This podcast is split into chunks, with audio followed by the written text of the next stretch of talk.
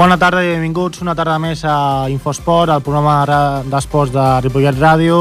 Us donem la benvinguda des de la nostra part. A... Comencem el primer programa de l'any. Eh, us desitgem un molt bon any des de tot l'equip d'Infosport i com cada any, com ja fa tres, amb aquesta temporada, tres són els anys en què estem amb vosaltres de nou i tornarem a, explica una mica tota l'actualitat esportiva del poble, repassant els, els esports i els clubs de, de la nostra vila i sense més demora comencem el programa. Futbol, futbol, Eh, aquest cap de setmana hi han jugat molts dels equips de, del nostre poble, un d'ells és el Club Futbol Ripollet, que aquest, com deia, aquest cap de setmana ha disputat una nova jornada de Lliga. Pa, ens porta el resum del partit el Marc Mata. Bona tarda, Marc. Bona tarda. El Club Futbol Ripollet aconsegueix guanyar la Unió Esportiva Castellar i endur-se'n els 3 punts. El diumenge, amb les grades del municipal plenes de goma a goma, el Ripollet va aconseguir guanyar a la Unió Esportiva Castellar per 3 a 2. El partit va estar dominat pels ripolletens i a 3 minuts de l'inici del maig, un dels grans protagonistes del partit, en Xema, va marcar el primer gol ripolletenc, estrenant, estrenant així el marcador. Després d'una sessió al porter per part dels de Juan Carlos Torres i que va ser aprofitat pel propi Xema. A partir d'aquell moment, els jugadors del Castellar van començar a apretar, tot i que el domini del partit va continuar pels ripolletens. Deu minuts després, de, els castellarencs xutaven al travesser. Als 15 minuts del partit, en una errada dels visitants, els locals no van trigar a marcar el segon gol. De nou, el, el Xema va marcar en un passe de pilota de l'Enrique. En aquell moment, quan el marcador marcava el 2 a 0 a favor del, del Ripollet, els de Juan Carlos Torres es van relaxar una mica moment en què els blancs i vermells aprofitaven la relaxació dels, dels ripolletens per, per apretar més i fer-los el partit més difícil als vermells. En el minut 31, els visitants aprofitaven una jugada d'un dels seus jugadors per xutar a porteria, un xut que no van aconseguir transformar en gol. Aquest gol generava dubtes, ja que semblava que fos córner i l'àrbitre va assenyalar fora de joc. A 6 minuts al final del, del primer temps, els visitants enviaven la pilota a córner i aquesta errada defensiva dels de Castellar era aprofitada per l'Enrique. Amb el 2 a 0, els ripolletens van marxar al descans amb bon resultat. La segona part va començar amb un Ripollet que tornava a sortir amb forces per continuar dominant el maig.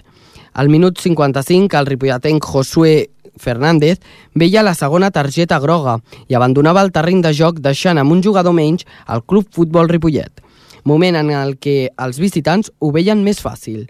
Tot i tenir un jugador menys, en el minut 62 l'Enrique va marcar el tercer gol pels ripolletens, un gol molt esperat i molt celebrat tant al terreny de joc com a les grades. Un gol que l'Enrique va celebrar ballant en el terreny de joc amb el Moja. En el minut 67, els visitants van xutar a porteria i finalment van aconseguir marcar el primer gol i dos minuts després va arribar el segon i últim gol pels castellarencs. Minuts abans d'arribar al final del partit van haver empentes i picabaralles en el que l'àrbitre va sancionar traient dues targetes grogues. Els ripolletens van tenir una bona oportunitat per marcar el que hagués estat el quart gol, però l'àrbitre va, xiular, va xiular fora de joc. Els ripolletens van continuar lluitant per marcar un altre gol i no varen parar fins al final del maig. Al final del partit, l'Héctor, jugador del Club Futbol Ripollet, va parlar pels micròfons d'Infosport. Buenas tardes, feliz año y podemos decir que, ha sido un partido fácil ya que a tres minutos del, inicio del partido habéis marcado el primer gol. Hola, buenas tardes y un feliz año. Para nada ha sido un partido fácil. Ya ves cómo se nos ha puesto después de la expulsión de Josu, íbamos 2-0 el minuto 60, nos han expulsado central, hemos conseguido marcar el tercero y nos han marcado dos goles y hemos sufrido mucho al final. Así que partido fácil yo creo que no. ¿Cómo afrontabais este partido? Con mucha ilusión, con, mu con muchas ganas, ya que hemos estado trabajando todas las navidades, hemos venido aquí a entrenar 28, 29, 30, el día 3 y teníamos muchas ganas ya de empezar el año y empezarlo bien como, como hemos hecho. ¿Crees que, la falta, que falta un poco de acierto para transformar en gol las oportunidades que habéis tenido? Hoy yo creo que no hemos tenido muchas ocasiones, hemos salido a la contra bien, hemos conseguido marcar muy rápido, hemos marcado el segundo a la contra y, hemos estado atrás. El Castellar es un equipo que juega muy bien al fútbol, que toca la pelota y, y nos ha puesto las cosas muy difíciles. En la segunda parte hemos visto que ha habido enfrentamientos entre vosotros, hecho que el árbitro lo ha sancionado sacando dos tarjetas amarillas. Bueno, pero eso son cosas que pasan en todos los partidos de fútbol y más en segunda catalana. Si ya pasa en primera división, imagínate en partidos así en barrios como este o como cualquier otro. De... Aunque ha sido la jornada 16 de la liga, es el primer partido del 2016. ¿Qué le has pedido tú personalmente al 2016? Pues personalmente, en cuanto a futbolísticamente, queremos el ascenso y lo queremos de forma directa, así que vamos a pelear por la primera plaza todos y cada uno de jugadores y técnicos, y cuerpo técnico y delegados y todo. Como equipo, supongo que habéis pedido eso. Sí, sí, sí, está claro. Todo el equipo está una y, y quiere ganar y quiere estar ahí arriba y subir. La semana que viene os enfrentáis al Sabadell Nord, un equipo que va séptimo. ¿Cómo lo afrontáis? Un equipo duro, muy agresivo, que va fuerte y lo, lo afrontamos como cada partido, a intentar sacar nuestro juego y intentar ganar. No, no hay otra, que ganar, ganar y, y todos los partidos ganarlos. Pues muchas, muchas gracias y suerte en el próximo partido. Igualmente, muchas gracias. L'equip es situa amb segon amb 30 punts, 9 partits guanyats, 3 empatats i 4 perduts. La setmana que ve s'enfronten al Sabadell Nord, un equip que va setè amb 24 punts, 7 partits guanyats, 3 empatats i 6 perduts. Felicitem al Ripollet per aquesta victòria, moltes gràcies Marc i marxem cap al cross. Com bé deia, aquest cap de setmana, ahir diumenge van, es va disputar la 34a edició del Cross Vila Ripollet, el cross local escolar, i va haver una sèrie de curses de, de cross a, en el nostre poble, on volem destacar les 10 primeres curses, el, els guanyadors d'aquestes. A la primera cursa va guanyar la Nace Mabut, de, del, de l'entitat del Palamós amb un temps de 15 minuts i 45 segons de la segona cursa va guanyar la Paula Blanco del, de l'Igualada amb un temps de 13 minuts i 20 segons. De la tercera cursa el va guanyar el Joan de la Torre Velana de la Joventut Atlètica Montcada amb un temps de 10 minuts i 4 segons Parlem de la quarta cursa, on la guanyadora va ser la Júlia de la, Pie, de la Piedra Sitges, del Canovelles, on va fer un temps de 5 minuts i 10 segons. A la cinquena cursa, el, el qui va guanyar va ser Junts de Hack, del Joventut Atlètica Montcada, que amb un temps de 100 minuts i 54 segons. Anem cap a la sisena cursa, on la guanyadora va ser la Cristina Arnal, del Sant Gabriel, amb un temps de 8 minuts i 52 segons. La setena cursa la va guanyar la Carla Bisbal, de l'Igualada, amb un temps de 4 minuts exactes. La vuitena cursa la va guanyar el Miguel Samper Medina, de la Mare de Déu del Roser, amb un temps de 5 minuts i 41 segons. Anem cap a la novena cursa, on la guanyadora va ser la Irene Garrido Rubio, de la de l'entitat del AA Catalunya, on, amb un temps de 4 minuts i 43 segons. I l'última cursa que volem destacar, la decena, la va guanyar l'Aaron Medina del Ginesta amb un temps de 4 minuts i 29 segons. Donem des d'aquí, des del programa d'Infosport, les nostres felicitacions als guanyadors tant d'aquestes curses com la resta, perquè hi ha moltes i no volem atabalar més als oients amb els resultats, però sens dubte molt bona feina de, de tots aquests atletes.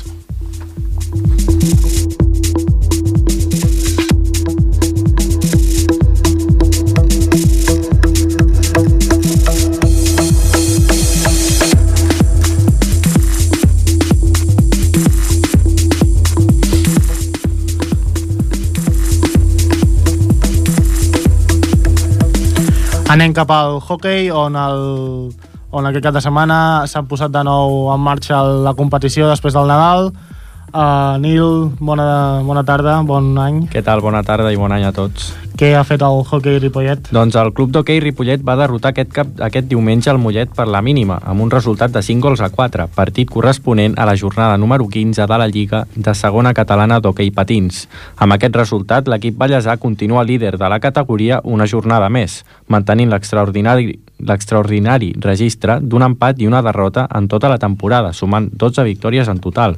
La propera jornada els ripolletens visitaran la pista del Laietà, equip que ara mateix ocupa la 14a plaça de la classificació amb només una victòria i 13 derrotes. Pel partit contra davant el Mollet parlem amb Nil Figueres, jugador del club d'hoquei. Hola, Nil. Hola, bona tarda. Bueno, primer de tot, bon any i felicitats per l'extraordinari rendiment del club. Gràcies, eh, bon any igualment. Eh, bueno, eh, per la, per parlar del partit davant el Mollet, eh, quina valoració fas de l'equip en general en aquest maig? Bueno, eh, era un partit complicat perquè el, el Mollet eh, estava arribant amb una dinàmica molt bona, feia molts partits que, que, que guanyava i, bueno, i sobretot després de les, de les vacances d'hivern, doncs, que sempre es fa una mica de, de parada, sabíem que era un partit de, difícil, però bueno, l'equip eh, s'ho va prendre molt seriosament, els entrenaments que es van fer durant la setmana doncs, doncs també van, estar, van ser molt intensos i al final doncs, ens vam endur el resultat eh, cap a casa. Us esperàveu un partit així d'ajustat? Sí, sí, les nostres previsions eren que, que fos un partit que, perquè coneixent ja com jugaven i els entrenadors, etc, doncs ja ens esperàvem que fos un partit molt igualat i un partit que es decidiria al final i, i així va ser, va ser fins, fins a l'últim minut. Quins aspectes tàctics o del joc destacaries d'aquest partit?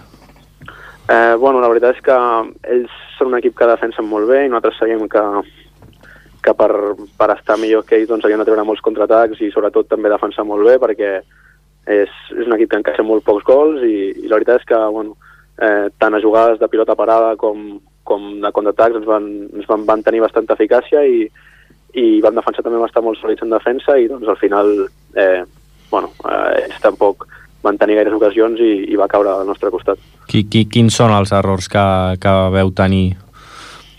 Uh, bueno, sobretot al principi del partit, on està, com et deia, bastant tous en defensa al principi i ells doncs, van aprofitar les poques jugades que tenien i, i sobretot van, els, els gols que vam rebre van ser eh, bueno, boles, errors puntuals, eh, boles perdudes en llocs on, ta, on no toca i ells doncs, són un equip que òbviament també tenen aspiracions i volen, voldrien pujar i no, no les desaprofiten.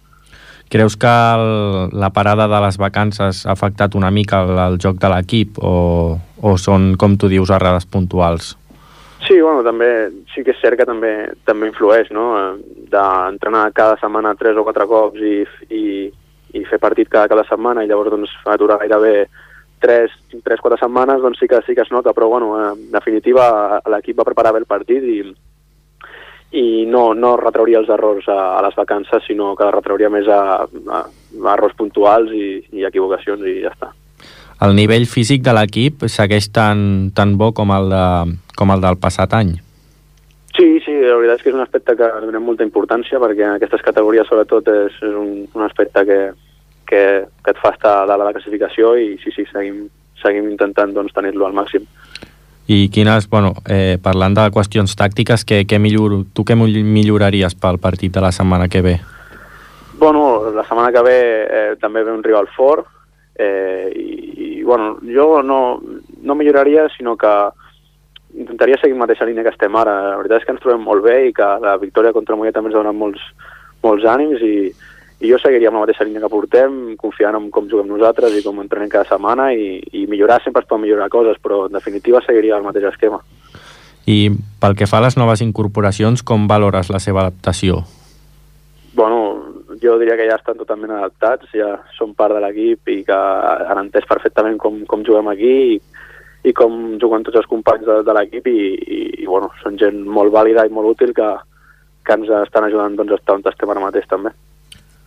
Nil, es parla molt del de, futbol aquest del mercat d'hivern o en altres esports que es pot fitxar durant la temporada mm, desconec si el, el club i l'equip es planteja fer algun fitxatge en aquest, en aquest hivern.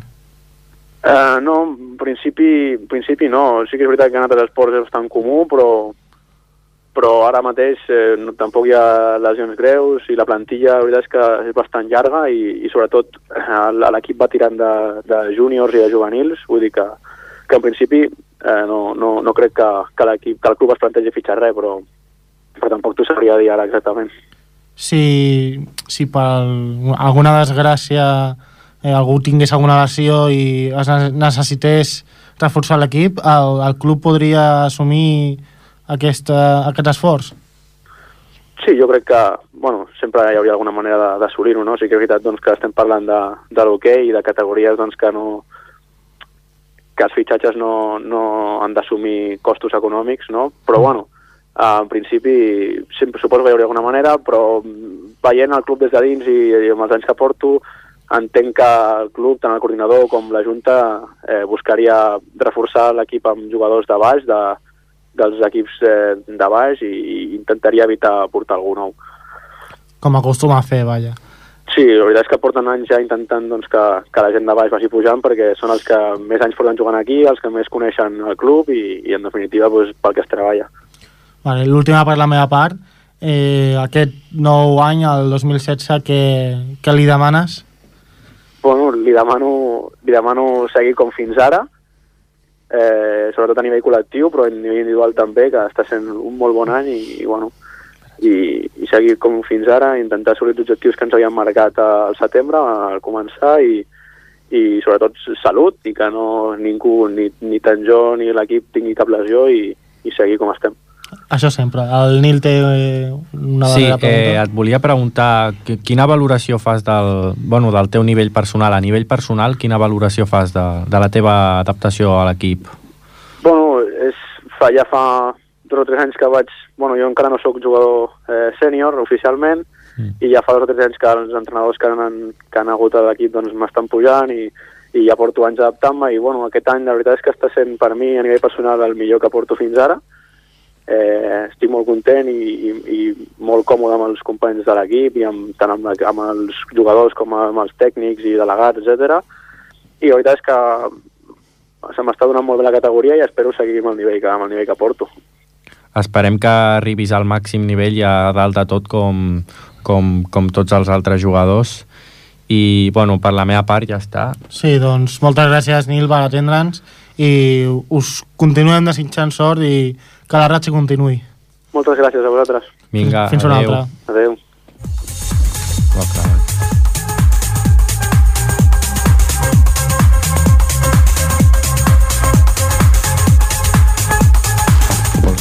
Canviem un altre cop d'esport i anem cap al futbol sala, on s'ha disputat una nova jornada d'aquesta emocionant lliga de futbol sala.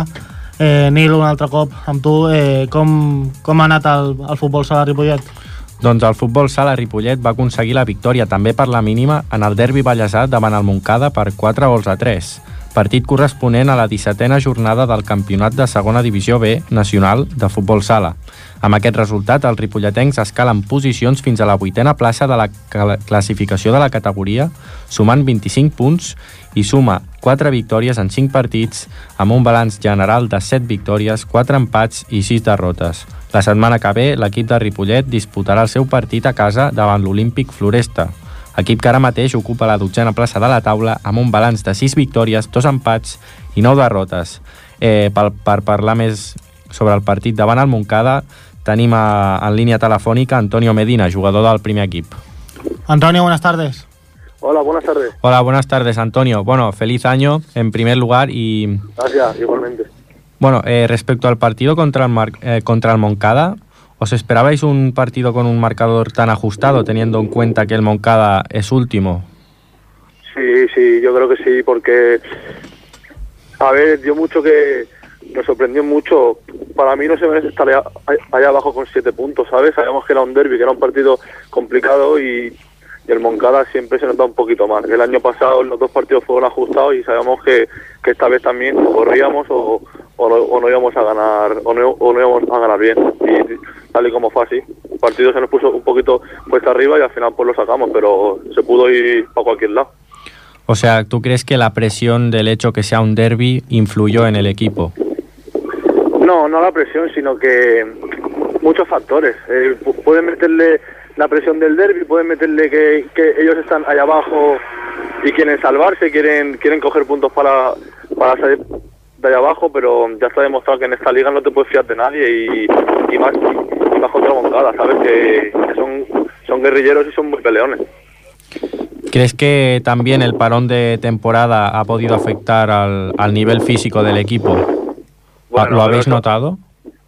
No, a ver, en cierta parte sí, sí, no, porque hemos entrenado en Navidad bastantes días, pero por otra parte volver de Navidad siempre cuesta, sea eh, vayas como vayas, vayas primero, vayas tercero, vayas cuarto, ¿sabes? El primer partido del año después de dos después de dos semanas sin competir, pues es un poquito difícil, pero bueno, se, se, se Claro. sacó bien, con tres puntos, que era lo, lo importante.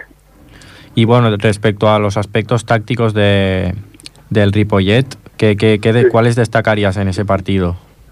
En ese partido, no sé, que se nos pusieron ellos rápidamente 0-2 y lo importante fue que no bajamos los brazos. En la segunda parte sí que le metimos una marcha más porque la primera parte no estábamos jugando a nada ni compitiendo y ya en la segunda parte le metimos otra marcha y ya fue otro partido completamente distinto, ¿sabes? Ya conseguimos empatar y nos metieron ellos, empatamos y ya defini- definitivamente marcamos, pero fue sobre todo la segunda parte. En la primera parte faltó que entrara, que entrara más la pelota y, y tener menos ansia de cara a atacar porque íbamos, íbamos muy directos, pero luego ya en la segunda le metimos, como he dicho, esa garra y esa fuerza y, y gracias a todo pues conseguimos los tres puntos.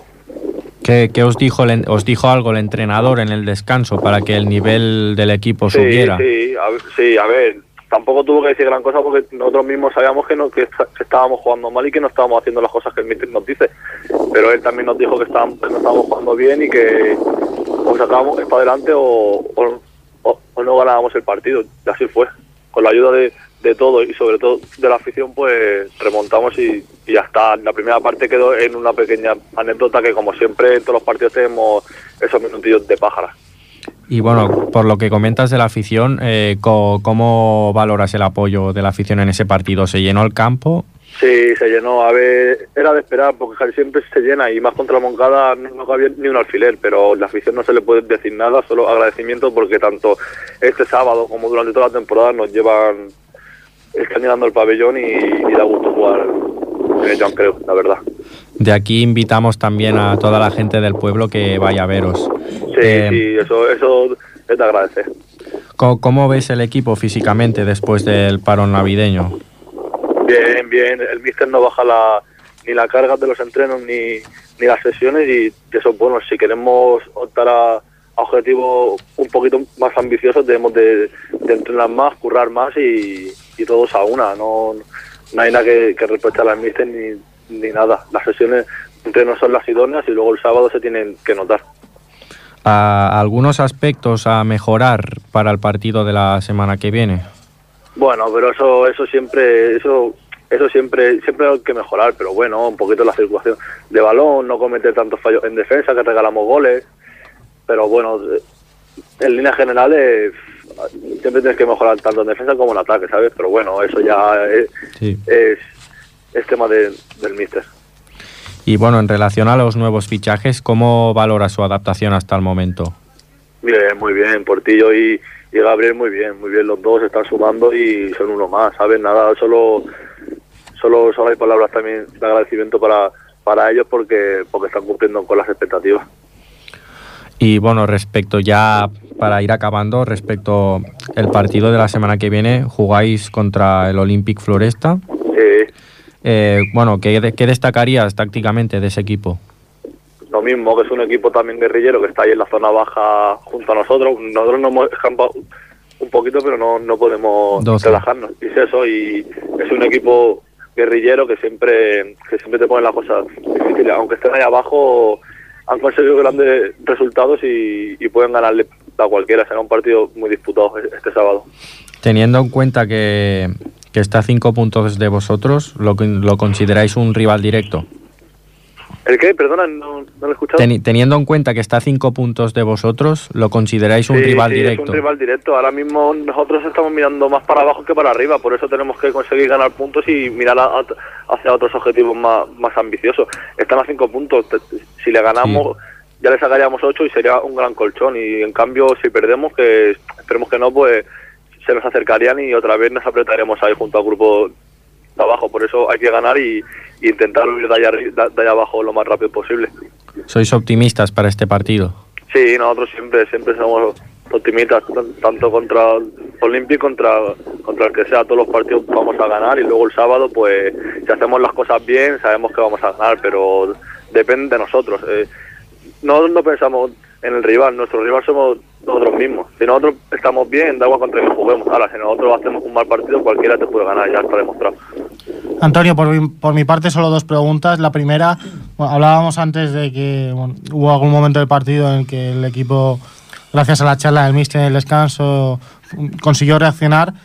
Eh, a la pista, eh, evidentemente todo el equipo es importante, pero ¿cuáles son los jugadores llamados un poco a, a- a darle un toque de atención al equipo en general, al- los líderes del vestuario, que se dice? Bueno, en este equipo sinceramente no hay líderes. Cuando uno no tiene el dial, lo tiene el otro y no podríamos hablar de líderes, ¿sabes? Eh, Cada uno tiene un rol en el equipo y cuando uno no tiene el dial, lo tiene otro. Cuando uno no mete el gol, lo mete otro. Cuando el portero no la para, ¿sabes? Sí. Pensamos en todo, ¿sabes? O no, empezando por, por los dos porteros y por los 10 jugadores, tanto por el cuerpo técnico. Es que no hay, no hay jugador... to- todos somos importantes, pero ninguno es imprescindible, ¿sabes? Así que cada uno tiene su rol y cuando un sábado no está uno fino, pues el compañero le, le echa la mano y, y salva al equipo, ya está. No, no hay compañero así. Estamos todos en, creciendo, ¿sabes? Desde, Sí. desde agosto hasta ahora todos estamos mejorando y todavía to- nos falta mucho camino, ¿sabes? Pero no hay ningún jugador, ¿sabes? Todos somos importantes. Y la, la última, por mi parte, eh, bueno, no sé si nos escuchabas antes que eh, al, al chico del hockey le comentábamos que si eh, tenían previsto, si ellos tienen lo que se llama el mercado de invierno para algún fichaje, Sí. vosotros en el fútbol sala tenéis lo que se llama el mercado de invierno de fichajes o el club Mm, tiene previsto reforzar. No, que yo sepa, ningún jugador se va a ir del equipo ni ningún jugador va a llegar. Yo creo que con estos 12 compañeros, a no ser que pase algo algo extradeportivo o algo complicado hasta hasta mayo, todos permaneceremos en el equipo y todos aún hasta hasta hasta mayo que, que acabe el campeonato vamos a seguir los 12 y, y nada más.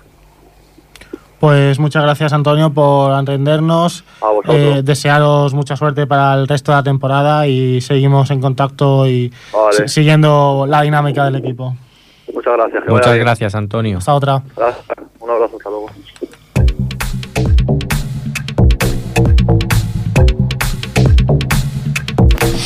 Seguim amb el futbol, però canviem de- d'instal·lació, del, anem al futbol gerba. Uh, herba, el, anem al Pajaril, on ha començat de nou uh, en aquest any a, a disputar partits de Lliga, ja, ja es situa gairebé a, la, a mitjans de, de, de la temporada i continua, continua la dinàmica de, de l'equip. Eh, para hablar del partido de, de este fin de semana, Manuel, buenas tardes y buen año. Hola, buenas tardes, Brian, buen año. El Pajaril, ¿qué, qué, partido realizó y, cuál fue su, su resultado? Bueno, lo vamos a analizar ampliamente con, con Minuesa. Eh, la verdad que, que es al, que tendremos en la línea en breve. Eh, el Pajaril, la verdad que este fin de semana recibía, recibía eh, al equipo de Terrassa del Juan 23, penúltimo clasificado en la tabla, con lo cual se suponía que sería un partido muy, asequi- muy asequible y así lo reflejaba el juego y el resultado del, del Pajaril en el primer tiempo. Eh, Diego Pérez abría el marcador a los ocho minutos de juego. Ignacio Minuesa encarrelaría eh, tres minutos más tarde lo que parecía una posible goleada por parte del equipo de Jesús. Pero el marcador no se movía hasta el inicio del segundo tiempo, que Eros Blanco pondría el 3-0. El partido comenzó a dar un giro muy extraño, pues tras acortar distancia al Juan 23 en 7 minutos y volver a hacerlo un poquito más tarde, en el minuto 65 de partido, eh, eh, colocaba el 3-2. El partido fue más duro de lo esperado. El equipo del Pajaril sufrió más de lo esperado, pero sacó los tres puntos para sacó los tres puntos adelante y seguir sumando y escalando posiciones en la tabla.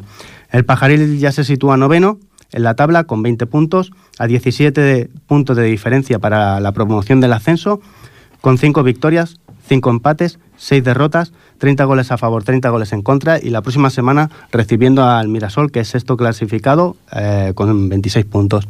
Y para analizar un poquito más lo que, lo que ha sucedido este fin de semana, tenemos a Ignacio Minosa. Ignacio, buenas tardes.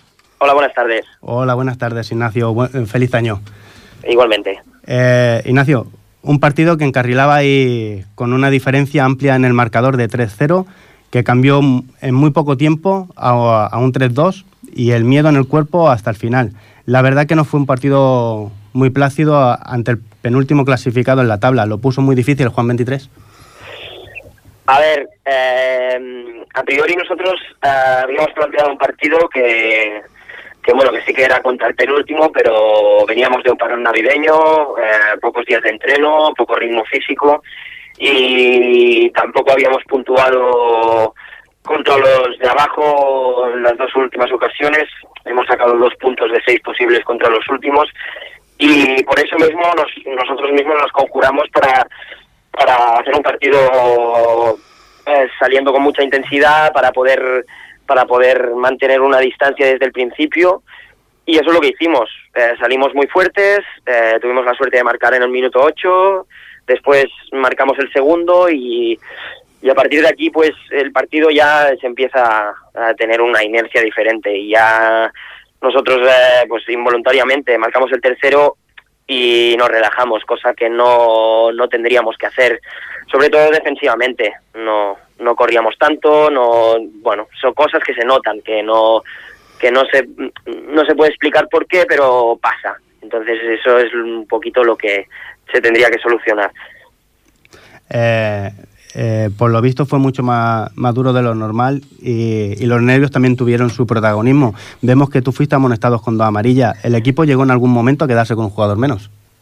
Sí, sí, sí. Bueno, eh, realmente también hay cosas que no se entienden, ¿no? A mí, a mí personalmente me parece una expulsión bastante injusta. Ah, yo creo que colaboré bastante con el árbitro, incluso hablé con él la media parte porque yo estaba sufriendo amenazas de los jugadores del otro equipo y, yo tampoco, con una amarilla, yo tampoco podía eh, ej- ejercer eh, mi totalidad en defensa ni, ni ser más agresivo, tenía que ir con cuidado porque porque si me sacaban la segunda, entonces eh, el partido iba adelantando y, y al final pues mm, bueno, pues el árbitro decidió que me tenía que sacar la segunda amarilla, pero pero bueno, ya te digo, mm, los árbitros de estas categorías, como a nosotros mismos, no se nos puede pedir mucho, a ellos tampoco se les puede pedir mucho, así que tampoco hay una excusa que, que digas. ¿Te pierdes el próximo partido? Sí, sí, sí, no, lamentablemente. Sabi- Sabiendo aparte- que es el Mirasol, un equipo complicado. Sí, sí, no, y aparte que yo soy de San Cugat y, y es un partido que también me hubiese gustado jugar, eh, pero bueno, es lo que hay. y Yo seguiré trabajando y como espero que sigamos trabajando todos, y yo confío que, que sí, que, que el equipo va a sacar el partido porque, porque estamos en garantías, estamos en una dinámica muy positiva y vam- vamos a ganar el partido, sí, sí. Eh, Minusa, como hemos dicho, el próximo partido ante el Mirasol, sexto clasificado, y aunque lleva cinco partidos sin conocer la victoria, tampoco es como para fiarse, ¿no? No, no, no, no, no es para fiarse. Aparte, Mirasol tiene un equipo con muchas garantías, son jugadores muy buenos y lo que pasa es que sí que entran en una mala dinámica, que pueden salir en cualquier momento de esta mala dinámica. Como nosotros empezamos la temporada muy mal y mira, y ahora estamos en una dinámica positiva, son todo dinámicas y, y- confianza en uno mismo. Entonces, a ver, mm, a ver qué. Eh, ¿Se ha reforzado el equipo en este parón o Jesús sigue trabajando con los mismos jugadores porque confía en ellos? Sí, sí, nosotros, nosotros somos los mismos que empezamos la temporada eh, y bueno, simplemente, bueno, anímicamente estamos mejor ahora. Eh, era cuestión de encarar un par de resultados buenos, que es lo que hemos hecho. Eh, empezamos a sacar puntos y mira, y este partido pues nos ha hecho que estuvimos est- estemos cinco partidos sin, sin conocer la derrota y eso es importante para nosotros. Evidentemente que vamos a perder algún partido más, pero pero aún y así vamos a intentar trabajar para que no sea no sea así. Eh, analizando realmente el nefasto año pasado del, del pajaril, dice la palabra del Señor que las cosas viejas pasaron, todas son hechas nuevas. Este año ha comenzado mucho mejor el pajaril, porque la verdad que el pasado año, entre que Javier por, por problemas personales mm, en la pasada campaña tuvo que dejar el equipo, lo cogió Marco Golludo, eh, hizo lo posible por porque el Pajaril pudiera promocionar para el ascenso, no fue posible y a pesar de que en esta temporada comenzando tampoco salían las cosas, tuvo que dejarlo en la novena jornada. Ahora lo coge Chus, su debut fue una derrota, pero ya lleva cinco jornadas sin conocer la, la derrota, con tres victorias, dos empates. Esto es algo que le está avalando mucho a, a Jesús. ¿Ha cambiado mucho el juego del equipo y el carácter? No, no, no, no, no. Mm, Yo creo que no que no ha cambiado. Simplemente yo creo que se han trabajado mucho dinámicas de grupo, mm, de cohesión de grupo. eh, Era, claro, estamos en un momento de, de que no había manera de sacar una buena dinámica. Entonces eh, se ha trabajado esto, el aspecto psicológico, mucho trabajo, mucho en el equipo, hacer pues cohesión y yo creo que hay pequeñas cosas que han que han surgido y nos han hecho a todos mejores, no, pero pero sí en los resultados. Cuando hablas de cohesión, que es más unidad en el equipo. Sí, bueno, eh, eh, sí, ejercicios que, bueno, si tú tienes planificado unos entrenamientos a la semana, pues en ciertos momentos, pues sí, trabajar un- una serie de ejercicios que tal vez no tienen nada que ver con el fútbol, pero sí que trabajas, pues, juegos de habilidad con, con los compañeros y eso hace que también te relaciones con todo, con la totalidad de los jugadores y estés, pues, pues más afable a bromas y todo. Sí, sí. Ignacia, hablabas antes de que bueno, durante el partido recibiste cierto tipo de amenazas. No es que queramos dar cobertura a estos hechos eh, en el programa, pero creo que sí que es conveniente eh, saber- mm, dar conciencia de ello para entender tu, tu, est- estado ya no solo de deportivo, sino de cierta cabreo y excitación como para recibir las dos tarjetas. ¿Qué tipo de amenazas te, te hicieron? Bueno, a ver, eh, creo personalmente que, a ver, yo con los otros equipos no, no acostumbro a caer muy bien. Yo, yo tengo un juego que, que intento trabajar muchísimo, sobre todo en defensa, estar, estar muy activo en el choque, en el juego aéreo, intentar pues mm, dominar la situación para poder ganar las máximas pelotas posibles y pero yo trabajo intenso, trabajo para el fútbol, no, no, no, no intento buscar ninguna polémica ni nada. Juego, gano balón, pierdo, le doy la mano al compañero y ya está, no. Sin más, claro, ellos, pues esto a veces se lo toman mal, un mal choque, cualquier cosa, entonces ya empiezan a señalarte, eh, se juntan dos o tres del otro equipo que eran uno de la otra jugada y el de esta jugada y al final pues pues acabas, claro, eh, enverdado, disculpa por la palabra, Sí, enverdado con tres o cuatro jugadores que ya quieren ir a por ti y claro, y eso eso es, es inevitable y, y pasa y claro, y aquí están los árbitros para para juzgarlo y en este momento y en ese caso pues el árbitro tampoco creo que, que lo hiciera muy bien, pero bueno. ¿Se, ¿Se lo comunicaste al árbitro esta serie de amenazas, por así decirlo? Sí, sí, yo, yo hablé con el árbitro al final del partido, a, a media parte, incluso el delegado, y el árbitro me vino a la segunda parte diciéndome que lo tendría en cuenta, aún y así Mm. tampoco vi una actitud muy diferente. Y al final del partido, cuando ya me había expulsado, hablé con él y él me dijo, la- me dio la razón realmente, me dijo que, que era una situación injusta, pero que él no podía hacer nada, que, que la expulsión estaba ahí y que, y que no podía hacer nada. Claro, yo no tampoco mm, no puse Hombre, ninguna- hacer, hacer nada, um, si ya te expulsó, como mínimo dar parte en el eh, de, de lo sucedido a los... Claro, no, incluso Los una superiores. posible- un, un posible recurso de la tarjeta amarilla. Las dos tarjetas amarillas eran muy rigurosas. Ah, los jugadores del otro equipo mm, me dieron lo que no está escrito y, y yo creo que si había de- si tenía que haber alguna expulsado no era de nuestro equipo. Hmm. Estoy co- completamente seguro. Bueno, el- comentabas lo de los recursos. eh, ¿El club se plantea recurrir a alguna de las tarjetas? Mm, no lo sé, no lo sé. Hoy hoy tenemos entrenamiento. No lo sé, yo lo plantearé porque es algo que también me interesa a mí. Mm. Y, pero bueno, esto de los recursos es complicado y más en estas, en estas divisiones es muy complicado. No creo que tampoco surja muy efecto en la federación.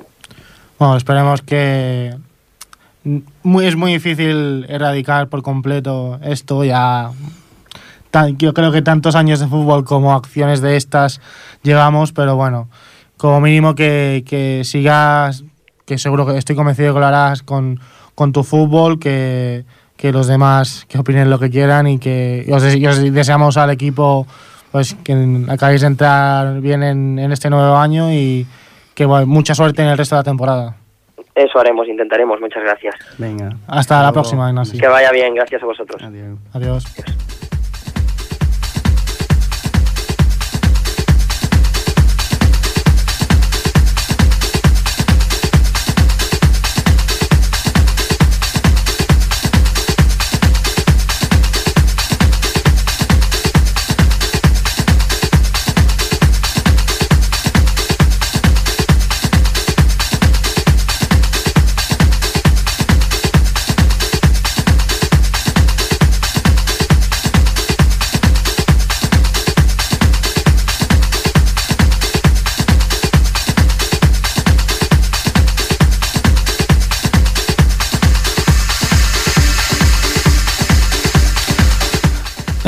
anem cap a la última secció del primer programa del 2016. Anem a parlar una estona de bàsquet i per això tenim el, el que és l'entrenador del bàsquet femení del Ripollet, l'Albert Ortega. Albert, bona tarda.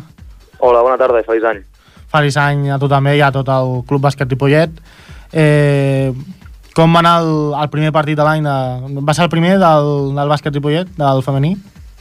Sí, doncs, doncs va anar molt bé, la veritat. Va anar, independentment del resultat, que és una victòria molt, molt contundent. Eh, molt content pel, per l'esforç, per, pel compromís de les noies, per la, per la qualitat en si de, en el partit i, i, mo- i molt content, molt content perquè hem entrenat molt aquest, aquestes festes de Nadal i al final s'ha vist recompensat amb aquest, amb aquest partit. Sembla que la dinàmica del bàsquet femení... Després et preguntaré també una mica sobre el, sobre el masculí, però que almenys aquesta secció del club eh, està anant molt bé aquesta temporada. Sí, bueno, jo eh, em formo part de totes dues coses i no, no m'agrada ser hipòcrita i, i la, el nivell o la categoria en la que estan tots els equips, el masculí com el femení no és el mateix. Per tant, bé, doncs és un nivell una miqueta més baix al femení Mm. i, bueno, potser per això també ajuda més els resultats, saps què vull dir-te? Sí. Eh, a partir d'aquí, doncs, molt bé també amb el júnior femení, que està, ha aconseguit la, la fase prèvia eh, guanyar-la de, sense cap tipus de rota, ha quedat invicta i, i engega el cap de setmana proper la segona fase eh, doncs a, amb expectatives molt altes també de tornar a guanyar i en aquest cas el ser júniors sobretot d'aprendre a divertir-se. I el senyor femení doncs, doncs igual estem en segones i amb la mira, mira posada al segon partit que juguem contra el segon partit, perdó, que juguem contra les terceres Mm. En el derbi de Cerdanyola dintre d'un parell de jornades i amb el cara o creu que juguem contra, contra el líder allà a Caldes. Això ens marcarà si al final assolim l'ascens, que és el nostre objectiu. Creus que el partit davant el, el Caldes és el... Uh, a, cara, creu, no?, de, de, de la Sí, temporada. sí, sí, sí, és, innegociable. Si volem pujar, se'ls ha de guanyar, és a dir, hem de pujar a guanyar a tothom, no podem perdre contra unes i després... Que ja veurem, no? Però vull dir, a mi que em fa gràcia és pujar perquè hem guanyat a tothom. I contra Mm. mm. el Caldes aquí vam perdre, doncs jo crec que se'ls ha d'anar a guanyar. Què destaques del, del Caldes? Bé, el, el cas és que jo vaig començar eh, fa dos mesos amb les noies i aquest Sí. partit va ser l'últim que vam fer amb el, amb el que ara és el segon entrenador, el Gerard. Just abans de que arribessis. Exacte.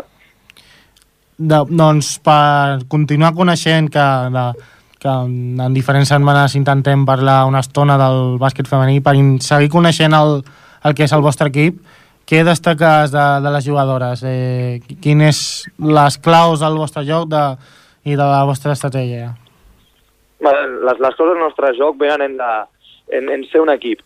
Nosaltres ens construïm a partir de, de ser un equip. A partir d'aquí tenim un estil propi i una línia de treball que és a partir de, de córrer, de treballar, de l'esforç, del compromís, de, de deixar-nos-ho tot, que mai tinguem un retret l'un a l'altre perquè, perquè ens ho estem donant tot i, i a partir d'aquí intentem que sigui un joc alegre, a córrer, que si marcar sempre el ritme del partit i que si les altres volen competir se'ns hagin d'adaptar a, a nosaltres, no mai haver d'anar al ritme o al remolc del que ens marqui l'altre equip, no? perquè en una categoria, com t'he dit, que tampoc és gran cosa, doncs hem de ser capaces nosaltres en la qualitat i treballant un treno en treno de nosaltres portar iniciativa en tot moment. A partir d'aquí, que la pilota entri o no és una altra cosa, però si ho treballem, si nosaltres sempre portem una iniciativa, eh, tenim molt, molt, molt a guanyar cada partit. I de moment ho esteu aconseguint, tant portar la iniciativa com en segon, no, no sempre, però més victòries que, que derrotes. Sí, sí, per, per descomptat. És a dir, som conscients que tenim un bon equip, som conscients que ens queda molt per treballar i molt per aprendre i, i això és un punt molt positiu, eh? saber-ho que encara hem d'aprendre molt i hem de seguir millorant. I a partir d'aquí anem treballant cada cap de setmana, ai, perdó, cada cap de setmana, cada setmana, Mm. i sí, l'altre dia vam, vam jugar, o sigui, vam guanyar 60 punts contra el sisè classificat.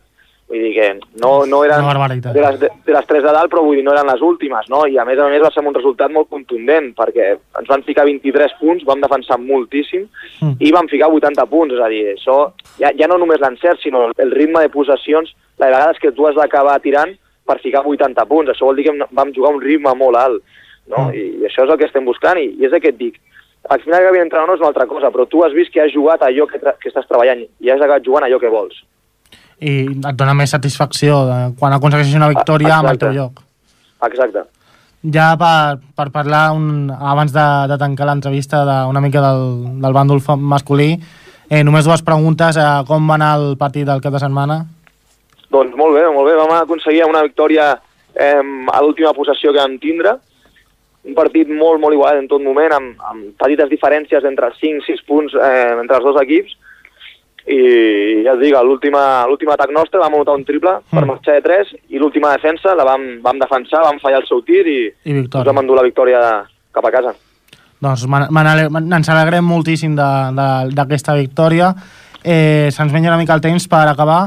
Eh, el, el club té previst algun fitxatge per aquest hivern? Ara que ja, ja, ja comencem la, el 2016? No, no, no, no gaire, no gaire. Em sembla, em sembla que no. Calés no n'hi ha i, i trampejarem i anirem fent amb el que, amb el que tinguem. I, i així aguantarem tot l'any. Em sembla que no hi haurà sorpreses en aquest tipus. Doncs moltes gràcies, Albert, per atendre'ns i, i molta sort tant al femení com al masculí del bàsquet. Molt bé, moltes gràcies. Fins una altra. I tanquem per avui el primer programa, el que és el primer programa de, de l'any del 2016. Moltes gràcies a tots els oients per escoltar-nos aquí a la 91.3 de la FM. Ens tornem a escoltar el proper dilluns d'aquí aquí a les de 7 a 8 de la tarda. Moltes gràcies.